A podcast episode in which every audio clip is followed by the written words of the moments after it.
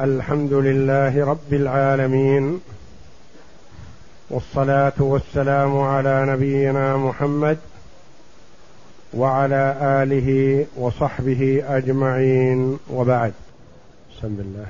بسم الله الرحمن الرحيم. قال المؤلف رحمه الله تعالى فصل وتكفن المرأة في خمسة أثواب مئزر تؤزر به.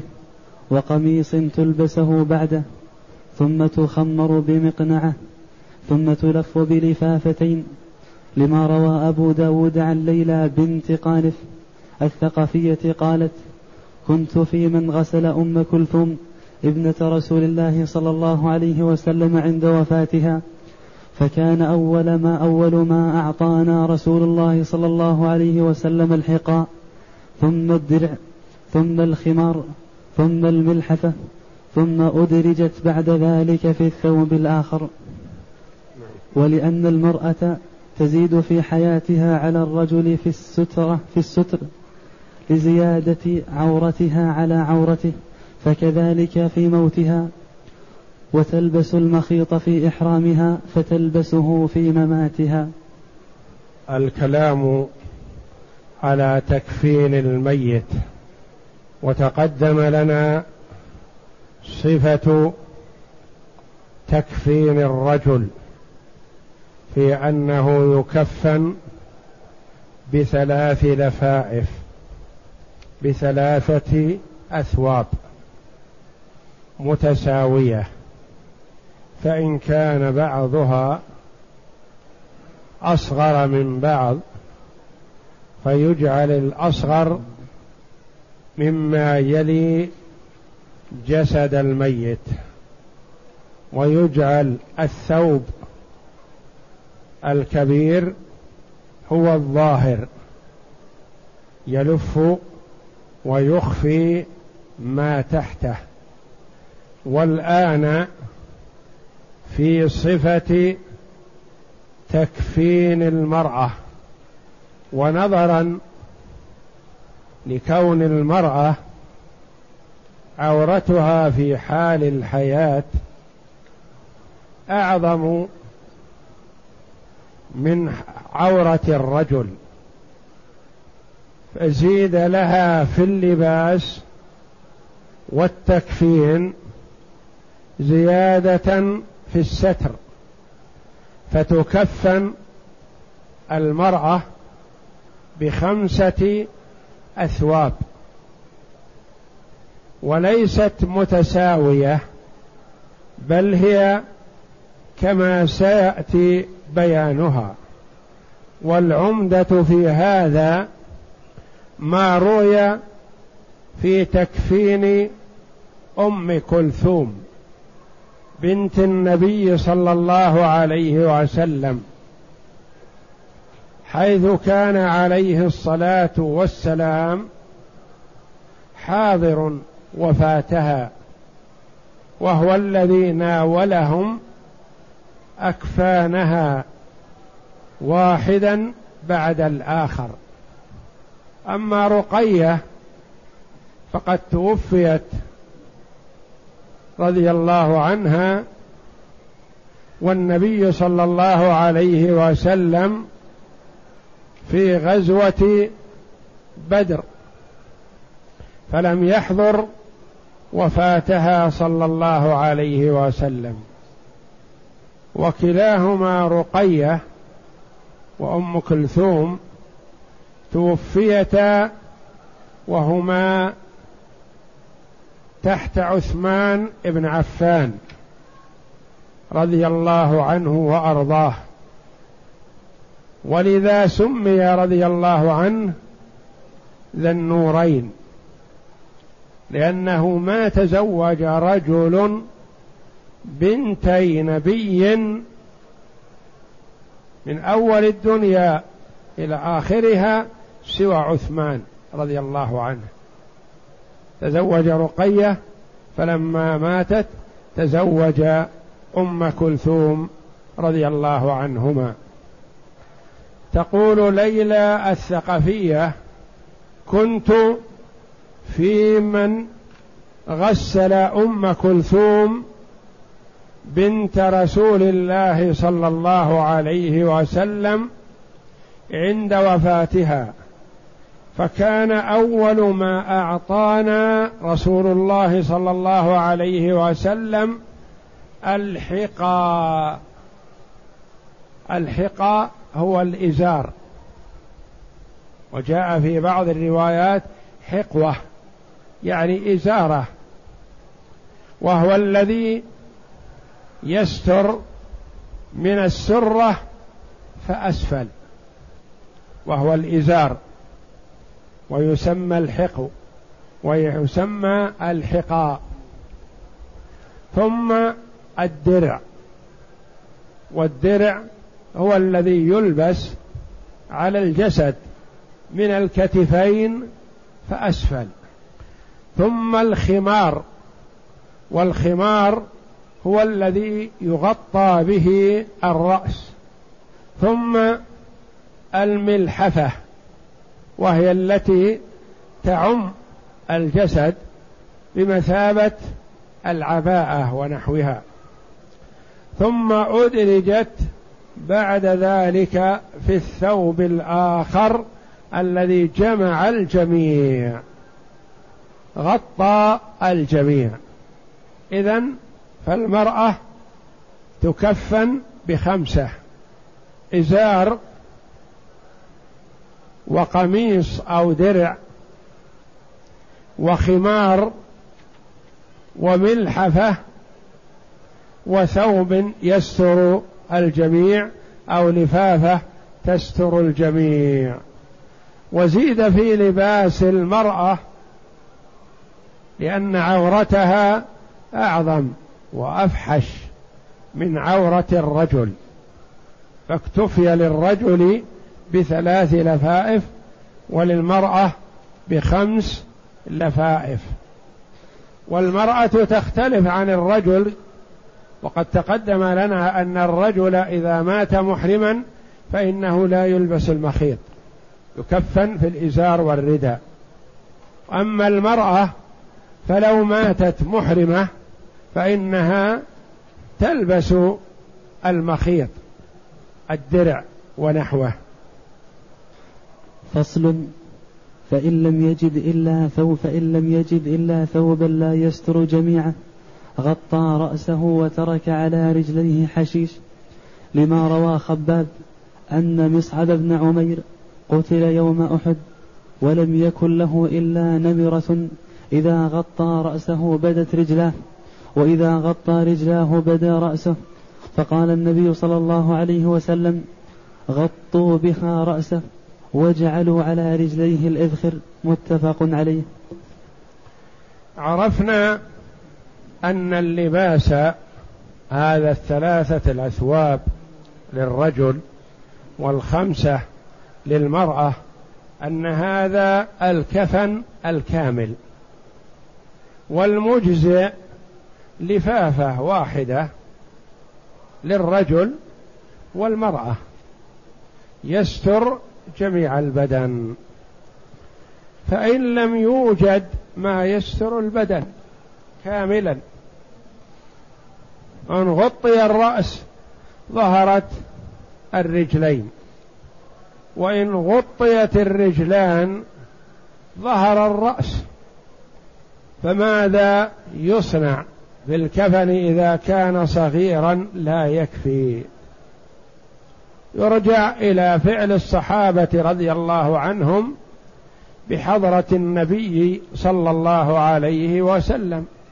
فهذا مصعب ابن عمير رضي الله عنه استشهد في أحد وكان من أنعم الشباب يلبس أحسن الثياب ويتطيب بأحسن الطيب ويأكل ما لذ وطاب من الطعام في مكة فترك كل هذا رغبة فيما عند الله جل وعلا في الدار الآخرة وهاجر مع النبي صلى الله عليه وسلم لإعلاء كلمة الله.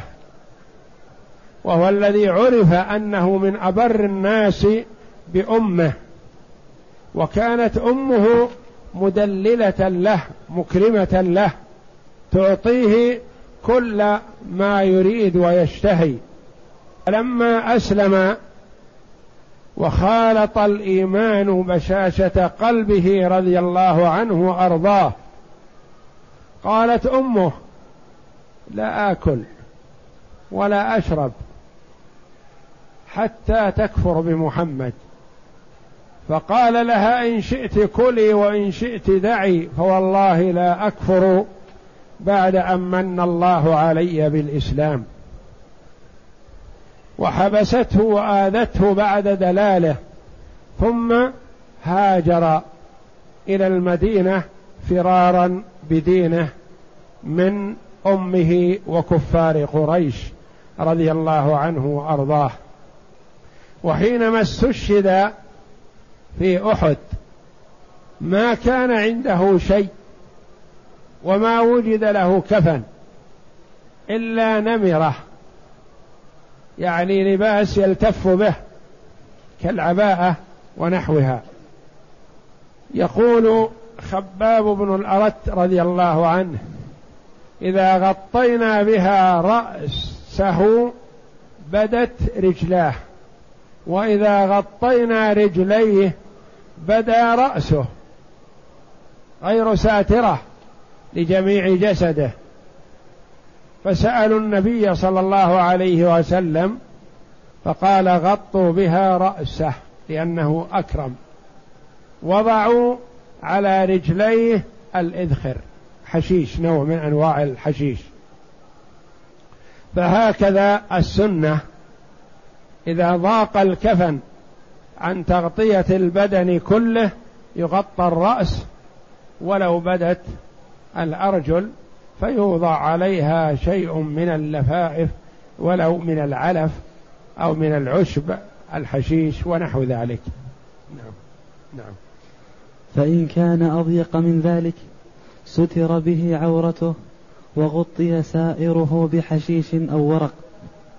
فإن كانت أضيق لو غطي الرأس بدت العورة.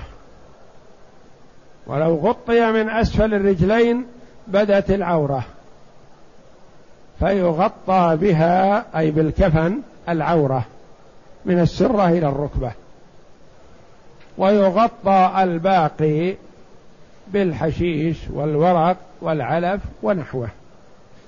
فإن كثر الموتى وقلت الأكفان كفن الإثنان والثلاثة في الكفن الواحد. لما روى أنس قال كثر القتلى وقلت الأكفان يوم أحد فكفن الرجل والرجلان والثلاثة في الثوب الواحد ثم يدفنون في قبر واحد وهو حديث حسن. فإن كثر الموتى ولم يوجد أكفان كافية للجميع فلا بأس أن يجمع الرجلان والثلاثة في الكفن الواحد. لما روى أنس بن مالك رضي الله عنه قال كثر القتلى وقلت الأكفان يوم أحد.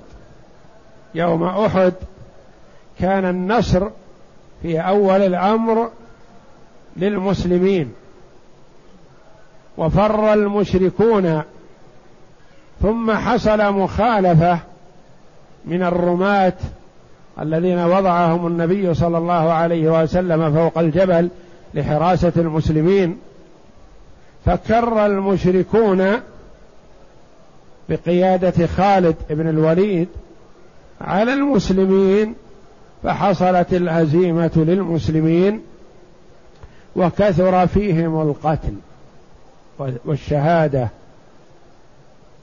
وما ذاك إلا بسبب مخالفة أمر النبي صلى الله عليه وسلم.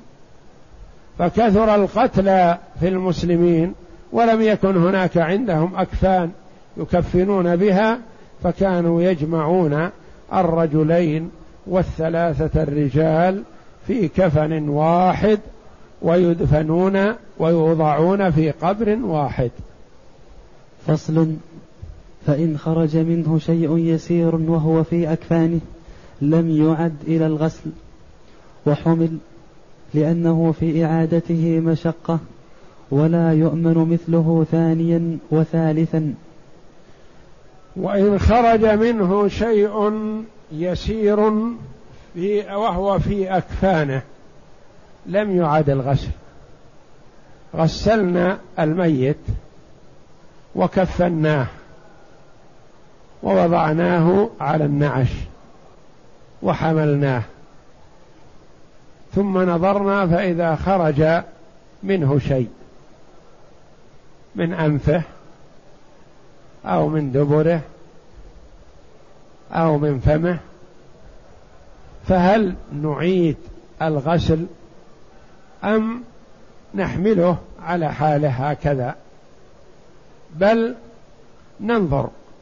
إن كان شيء يسير فنحمله ونصلي عليه ولا نعيد الغسل. لأن الشيء اليسير لا يؤثر من ناحية ثم لا يؤمن أن نغسله ثانية ثم يخرج شيء يسير ونغسله ثالثة ويخرج شيء يسير. فلا. فنحمله ولا نعيد الغسل ولا نقول انتقض وضوءه بل لابد من وضوءه وتغسيله ونحو ذلك. هذا ما دمنا نشتغل في تغسيله كما تقدم لنا. إذا خرج منه شيء أعدنا الوضوء دون الغسل. لكن هذا بعدما كفناه وأردنا حمله خرج منه شيء. فنستمر في حمله ولا نعيد غسله. إذا كان هذا الخارج شيء كثير.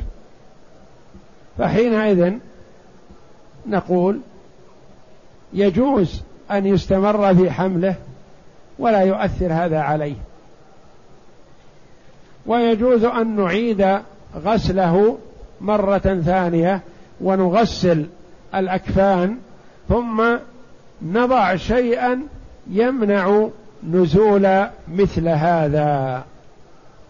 من القطن أو اللصقة أو ما تيسر مما يمنع هذا النزول إن كان من الأنف أو من الفم أو من أحد السبيلين وضعنا فيه شيئا يمنع النازل. ولعل هذا أولى في إعادة تغسيله إذا كان الشيء كثير حتى تغسل الأكفان ويصلى عليه وهو طاهر الأكفان والبدن. وإن خرج كثير فالظاهر عنه أنه يحمل أيضا لمشقة إعادته وعنه أنه يعاد غسله غسله ويظهر كفنه لأنه يؤمن مثله في الثاني للتحفظ للتحفظ بالتلجم والشد. لأن عرفنا أن القليل قد يتكرر فلا نعيده. الكثير نستطيع أن نتخذ وقاية عن تكرره فنعيده وإن حملناه على حاله فلا بأس لأن أدينا ما علينا وهو التغسيل. فصل. وإذا مات المحرم لم يقر لم يقرب طيبا ولم يخمر رأسه لأن حكم إحرامه باق فيجنب ما يتجنبه المحرمون. لما روى ابن عباس قال بينما رجل واقف بعرفة إذ وقع عن راحلته فمات. فقال رسول الله صلى الله عليه وسلم اغسلوه بماء وسدر وكفنوه في ثوبيه ولا تحنطوه ولا تخمروا رأسه فإنه يبعث يوم القيامة ملبيا. متفق عليه. وإذا مات المحرم في حال إحرامه الذي لم يتحلل من إحرامه قبل رمي جمرة العقبة والحلق أو التقصير فإنه يغسل بالماء والسدر ولا يحنط يعني لا يوضع في تغسيله الطيب ولا يغسل بالحنوط ولا بالكافور لأنه نوع من الطيب. ويكفن في ثوبيه فلا يكفن في قميص لأنه محرم والمحرم لا يلبس المخيط. ويعامل بعد موته كمعاملته في حال حياته وإحرامه لأن حكم الإحرام باقي فلا يطيب ولا يؤخذ شيء من شعره ولا من أظافره ولا يغطى رأسه لأن المحرم الرجل لا يغطى رأسه. لقوله صلى الله عليه وسلم في الرجل الذي سقط من راحلته فانكسرت عنقه فمات. قال النبي صلى الله عليه وسلم غسلوه بماء وسدر. السدر ليس فيه طيب بل هو وسيلة تنظيف وآلة تنظيف ينظف به فقط. وكفنوه في ثوبيه يعني في إزاره وردائه اللذين هو محرم بهما. ولا تحنطوه يعني لا تطيبوه. ولا تخمروا رأسه. لأن حكم الإحرام باقي والمحرم من الرجال لا يغطى لا يغطي رأسه. فكذلك إذا مات لا يغطى رأسه. فإنه يبعث يوم القيامة ملبيا يعني كأنه لا يزال في نسكه إلى يوم القيامة. وعنه لا يغطى وجهه ولا رجله والظاهر عنه جواز تغطيتهما لأنه لم يذكرهما في حديث ابن عباس ولأن الحي لا يمنع من تغطيتهما فالميت أولى. وعنه رواية عن الإمام أحمد رحمه الله لا يغطى وجهه ولا رجلاه. والظاهر جواز تغطيتهما لأنهما أولا لم يذكرا في الحديث. وتأخير البيان عن وقت الحاجة لا يجوز. فالنبي صلى الله عليه وسلم قال لا تخمروا رأسه فقط ولم يقل ولا تخمروا وتغطوا وجهه. والمحرم من الرجال له أن يغطي وجهه فكذلك إذا مات يغطى وجهه. وكذلك تغطية الرجلين. فهما لم يردا في حديث ابن عباس المتفق عليه رضي الله عنه. نعم. ولا يلبس قميصا إن كان رجلا لأنه ممنوع باللبس المخيط. وإن كان امرأة جاز ذلك لأنها لا تمنع من لبس المخيط وجاز تخمير رأسها لأنها لا تمنع ذلك في حياتها. ولا يلبس قميصا إن كان رجلا يعني لا يلبس مخيط. لأنه ممنوع من لبس المخيط وإن كان امرأة فتلبس كما تقدم الدرع أو القميص أو الثوب. ولو كان مخيطا ولو كانت محرمة لأن المرأة المحرمة في حال الحياة لا تمنع من لبس المخيط فكذلك في حال الوفاة لا تمنع من لبس المخيط. نعم. وإن ماتت معتدة بطل حكم, حكم عدتها وفعل بها ما يفعل بغيرها لأن اجتناب الطيب في الحياة إنما كان لئلا يدعو إلى نكاحها وقد أمن ذلك بموتها. عرفنا أن المرأة إذا ماتت في حال الإحرام تجنب ما تجتنبه في حال الحياة من الطيب ونحوه ولا يؤخذ شيء من شعرها ولا من ظفرها لأنها محرمة. لكن إذا ماتت معتدة إذا ماتت معتدة في عدة الوفاة. وعرفنا أن المرأة في حال عدة الوفاة تجتنب الطيب والزينة مدة العدة. قلت أو كثرت. قد تكون عدتها في حال الوفاة ساعة مثلا وقد تكون سنة. فإذا ماتت خلال العدة فما الحكم؟ كيف تكون عدتها ساعة؟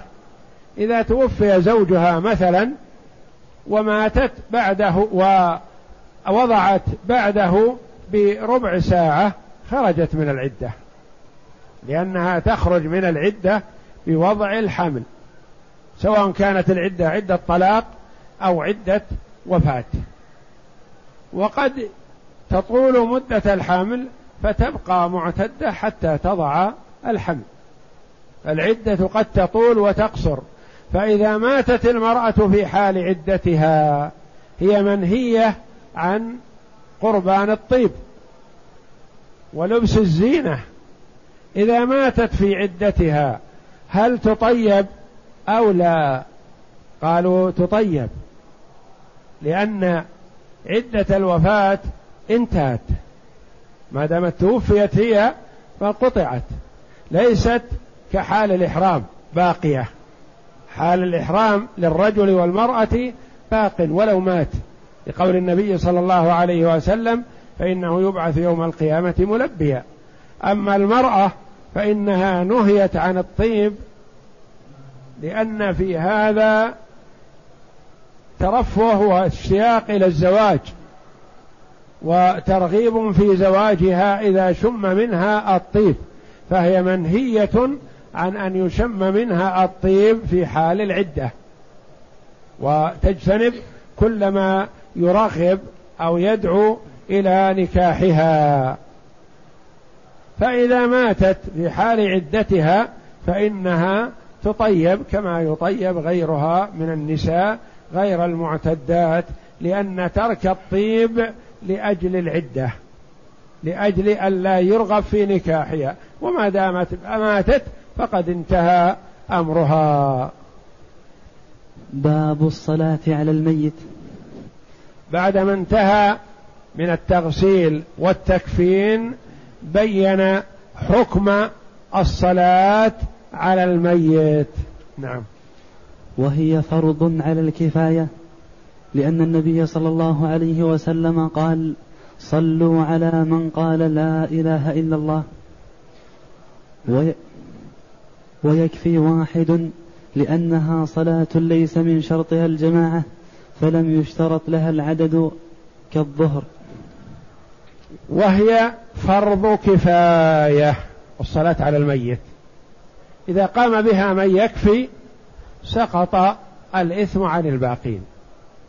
وإذا ترك الميت بلا صلاة ودفن بلا صلاة عليه أثم كل من علم بذلك. وإذا صلى عليه بعض الناس ولم يصل عليه البعض فالأجر للمصلي. ومن لم يصلي لا إثم عليه ولا أجر له. وهذا هو فرض الكفاية أنه إذا قام به من يكفي سقط الإثم عن الباقين وإلا أثم الكل إذا ترك. وهي فرض كفاية لأن النبي صلى الله عليه وسلم قال صلوا على من قال لا إله إلا الله.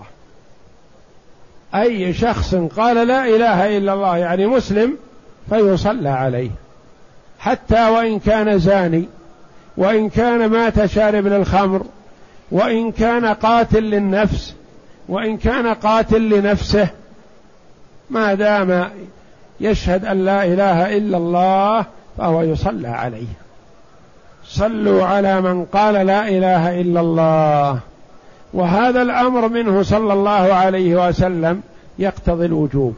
ثم لا يلزم أن يكون كل الناس أو كل من علم يصلي عليه. لو صلى عليه واحد كفى. المهم أن توجد الصلاة عليه. وكلما كثر المصلون فهو أفضل. ولذا قال العلماء يستحب التأخير من أجل كثرة المصلين. فيؤخر التأخير الذي لا يضر من أجل كثرة المصلين. أما التأخير الضار فلا يجوز لأن النبي صلى الله عليه وسلم أمر بالإسراع في تجهيز الجنازة. ويكفي واحد لو صلى عليه واحد. مثلا لو أن شخص مثلا كان في بلاد الكفار للعلاج ونحوه فمات فصلى عليه المرافق له كفى. واحد إذا صلى عليه يكفي. وكلما كثروا فهو أفضل. لأنها صلاة لا يشترط لها الجماعة يعني لا تلزم الجماعة فلم يشترط لها العدد. ما يلزم أن نقول يلزم أن يصلي عليه ثلاثة أو خمسة أو اثنان يلزم أن يصلى عليه. قل المصلون أو كثروا. قال كالظهر مثلا. واحد الحاله مسافر صلى الظهر وحده كفى أدى ما عليه. ولا يلزم الجماعة لأنه مخاطب هو بالصلاة فلا يؤخرها عن وقتها. وجد ناسا يصلي معهم فهذا هو الأولى والأفضل. ما وجد أحد فيصلي الظهر ولو وحده. وتجوز في المسجد لأن عائشة قالت ما صلى رسول الله صلى الله عليه وسلم على سهيل ابن بيضاء إلا في المسجد رواه مسلم. وصلي على أبي بكر وعمر في المسجد. وتجوز صلاة الجنازة في المسجد كما تجوز في المقبرة كما تجوز في مصلى العيد أو في الصحراء أو في أي مكان. إلا أن بعض الناس كره الصلاة على الجنازة في المسجد. قال يخشى أن تلوث المسجد. فقالت عائشة رضي الله عنها ما أسرع الناس ينسون. لما وجد الخلاف في عهد الصحابة هل يصلى على الجنازة في المسجد أو لا؟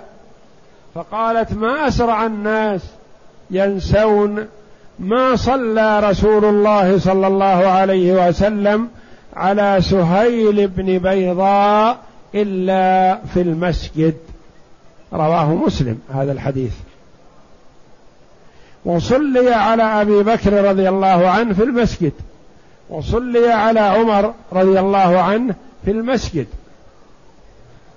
وتجوز في المقبرة لأن النبي صلى الله عليه وسلم صلى على قبر في المقبرة. وتجوز في المقبرة. يجوز أن يصلى على الجنازة وهي الصلاة الوحيدة التي يصح في المقبرة. وأما صلاة الفريضة فلا تصح في المقبرة. وكذلك صلاة النافلة فلا تصح في المقبرة. غير صحيحة باطلة.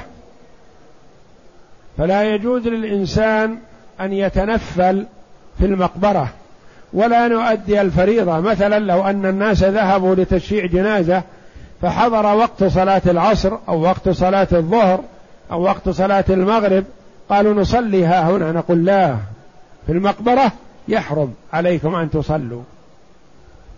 شخص خرج مع الجنازة مثلا بعد صلاة الظهر أو بعد صلاة المغرب وأراد أن يصلي الراتبة لما وضعت الجنازة في المقبرة مثلا واشتغلوا في تهيئة القبر أراد أن يصلي الراتبة راتبة الظهر أو راتبة المغرب في المقبرة. نقول لا يحرم عليك ذلك ولا يصح. إذا ما هي الصلاة التي يصح أن تصلى في المقبرة؟ هي صلاة الجنازة فقط. فلا تصح الفريضة ولا النافلة أيا كانت فلا تصح صلاة الكسوف ولا صلاة الاستسقاء ولا صلاة الاستخارة ولا أي صلاة من الصلوات سوى صلاة الجنازة فهي التي تصح في المقبرة. والدليل على هذا أن الصحابة رضي الله عنهم صلوا على عدد من الأموات في المقبرة. وكذلك النبي صلى الله عليه وسلم صلى على قبر. لو كانت صلاة الجنازة لا تصح في المقبرة. ما صلى النبي صلى الله عليه وسلم على القبر في المقبرة. فتصح صلاة الجنازة لو كانت أول مرة أو صلاة معادة مثلا. إنسان وجد قبرا جديدا فسأل عنه من هذا؟ قالوا هذا فلان. فعرفه فأحب أن يصلي عليه. صلاة الجنازة فله أن يصلي عليه. ووقوف المصلي على الجنازة يختلف عن وقوفه في حال السلام على الميت. إذا جئت لزيارة القبر مثلا فاجعل القبلة ظهرك واستقبل الميت لأن الميت وجهه إلى القبلة. فإذا جعلت وجهك إلى القبلة كأنك جئته من خلفه والرجل إذا جاء يسلم على الرجل يكون أمامه. فإذا أردت أن تسلم على الميت فاجعل القبلة خلفك واستقبل الميت وسلم عليه. وإذا أردت أن تصلي عليه فاجعل القبلة أمامك لأن القبلة هي قبلة الصلاة. فتصلي عليه وإن كان ظهره إليك. ويجوز فعلها فرادا لأن النبي صلى الله عليه وسلم صلي عليه فرادا. والسنة فعلها في جماعة لأن النبي صلى الله عليه وسلم كان يصليها بأصحابه. ويجوز فعلها فرادا. يجوز أن يأتي الشخص ويصلي على هذا الميت ثم يأتي الآخر ويصلي عليه ثم يأتي الآخر ويصلي عليه. إلا أن الأولى هو الصلاة عليه جماعة. لكن لو صلوا عليه فرادى صح. لأن النبي صلى الله عليه وسلم صلي عليه فرادى. كان يدخل الأفراد فيصلون عليه ثم يخرجون ويدخل غيرهم. فصلى عليه صلى الله عليه وسلم الرجال فرادى ثم صلى عليه نساء فرادى ثم صلى عليه الصبيان فرادى. فصلي على النبي صلى الله عليه وسلم فرادى. والأولى والأفضل فعلها في جماعة. أن يجتمعوا جميع خلف إمام واحد. والأفضل أن يكونوا صفوف متعددة. ولا تنقص عن ثلاثة صفوف. حتى لو كانوا عشرة فالأفضل أن يرتبوا أنفسهم بحيث يكونوا ثلاثة صفوف. يصلي مثلا الصف الأول أربعة وفي الصف الثاني مثلا ثلاثة وفي الصف الثالث ثلاثة وهكذا. يعني بحيث يكونوا ثلاثة صفوف أفضل حتى لو كان المكان واسع ويتحملهم صفا واحدا. نعم. ويستحب أن يصف عليه يصف ثلاثة صفوف. لما روى مالك بن هبيرة أن النبي صلى الله عليه وسلم قال ما من مسلم يموت فيصلي عليه ثلاثة صفوف من المسلمين إلا أوجب. وهذا حديث حسن. ثلاثة الصفوف لما روى مالك بن هبيرة أن النبي صلى الله عليه وسلم قال ما من مسلم يموت فيصلي عليه ثلاثة صفوف من المسلمين إلا أوجبت. يعني وجبت له الرحمة من الله جل وعلا بشفاعتهم فيه. يعني أعطاهم الله وشفعهم فيه. شفعهم في هذا الميت. فكلما كثرت الصفوف فهو أفضل. نعم.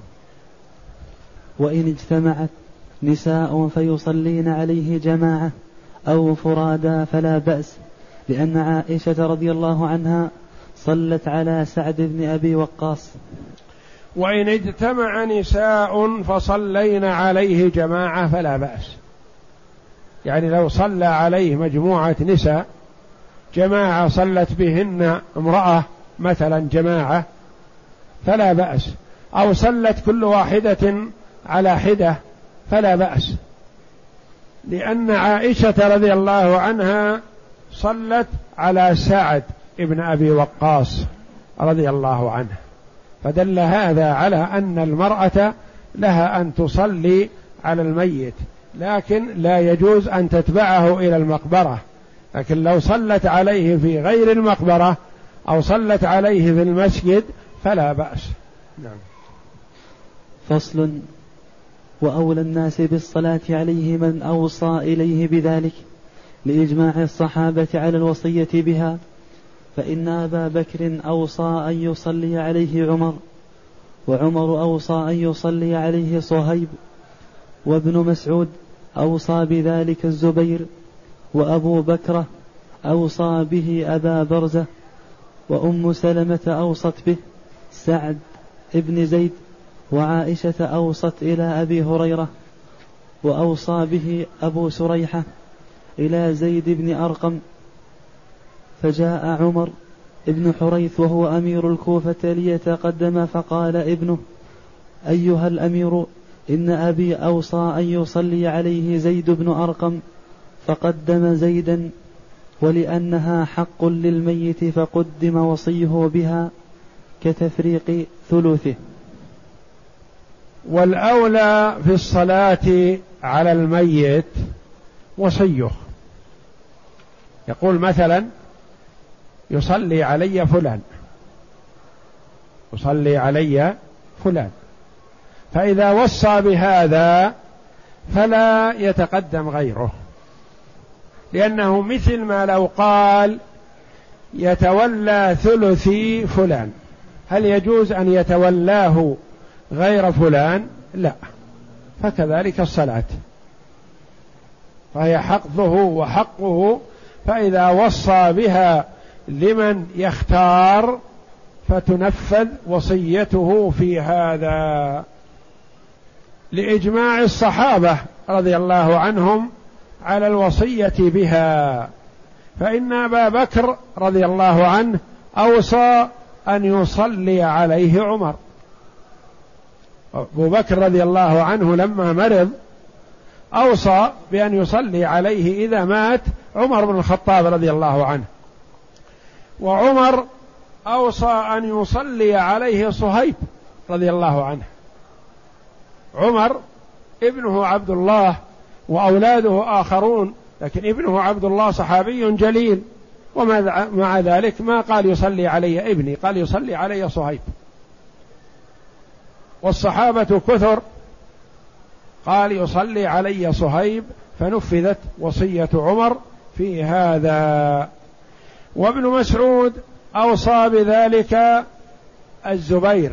قال يصلي علي الزبير بن العوام رضي الله عنهم. وأبو بكرة أوصى به أبا برزة كذلك. قال يصلي علي أبا برزة. يصلي علي أبو برزة. وأم سلمة أوصت به سعيد بن زيد. قالت يصلي أم سلمة أم المؤمنين رضي الله عنها لها أولاد. وأسرة قالت يصلي علي سعيد بن زيد رضي الله عنه. وعائشة رضي الله عنها أوصت إلى أبي هريرة قالت يصلي علي أبو هريرة. يعني يؤم الناس في الصلاة علي أبو هريرة. وأوصى به أبو سريحة إلى زيد بن أرقم فجاء عمرو بن حريب وهو أمير الكوفة يعني لما قدمت الجنازة جاء عمرو بن حريب الأمير أراد أن يتقدم يصلي على هذا الميت. فجاء ابنه ابن المتوفى فقال أيها الأمير وهذا إنه يحسن التلطف في مخاطبة الأمراء وأصحاب الهيئات ومن له حق قال أيها الأمير إن أبي أوصى أن يصلي عليه زيد بن أرقام. فما قال الأمير أنا أحق؟ لا تأخر الأمير وتقدم زيد رضي الله عنهم. فقدم زيد ولأنها حق للميت فقدم وصيه بها كتفريق ثلثه. لو قال يتولى ثلث فلان ما نقول لا ما يتولى فلان يتولى فلان آخر. لا هو أحق ما لم يكن غير صالح. إذا كان غير صالح مثلا فالحاكم يعزله ويولي غيره لعدم صلاحه. نعم. ثم الأمير لقول النبي صلى الله عليه وسلم لا يؤمن الرجل الرجل في سلطانه. وقال ابن حازم شهدت حسينا حين مات الحسن وهو يدفع في مقام سعيد بن العاص ويقول تقدم لولا السنة ما قدمتك وسعيد أمير المدينة ولأنها إمامة في صلاة أشبه سائر الصلوات.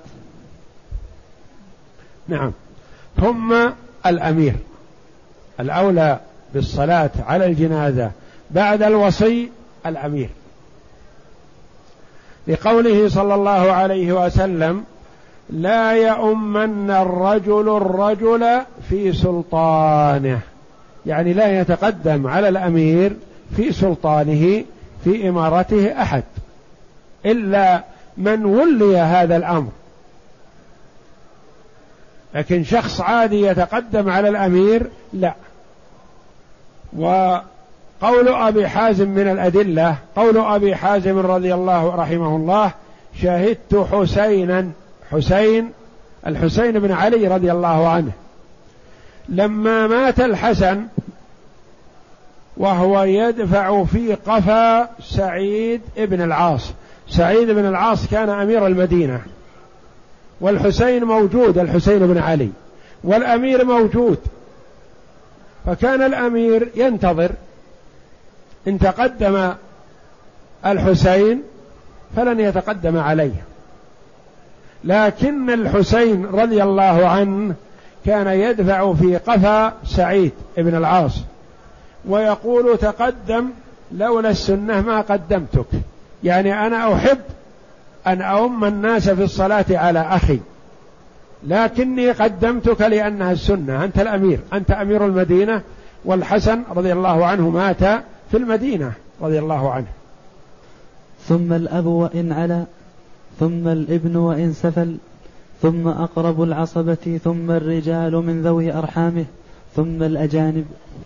ثم الأب إذا ما كان فيه وصي ولا الأمير حاضر فالأولى أن يصلي الأب.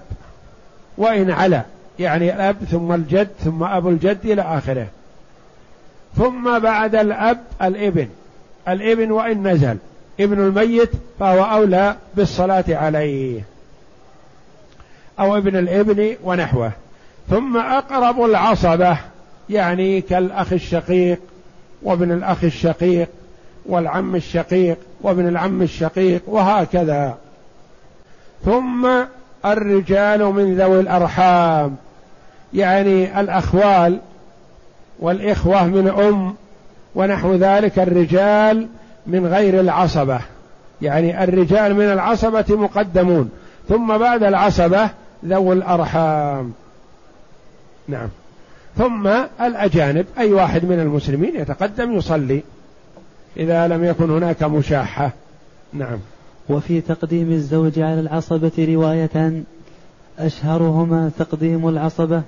لأن عمر رضي الله عنه قال لقرابة امرأته أنتم أحق بها ولأن النكاح يزول بالموت والقرابة باقية. والثانية الزوج أحق لأن أبا بكر صلى على امرأته دون إخوتها ولأنه أحق منهم بغسلها.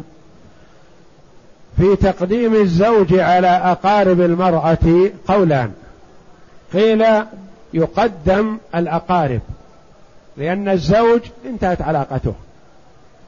يجوز أن يتزوج أختها ويجوز أن يتزوج عمتها ويجوز أن يتزوج خالتها. فلو كان حكم الزوجية باقي ما تزوج أختها ولا تزوج عمتها ولا خالتها ولا بنت أختها ولا بنت أخيها. لكن الزوجية انتهت قالوا فيقدم الأقارب.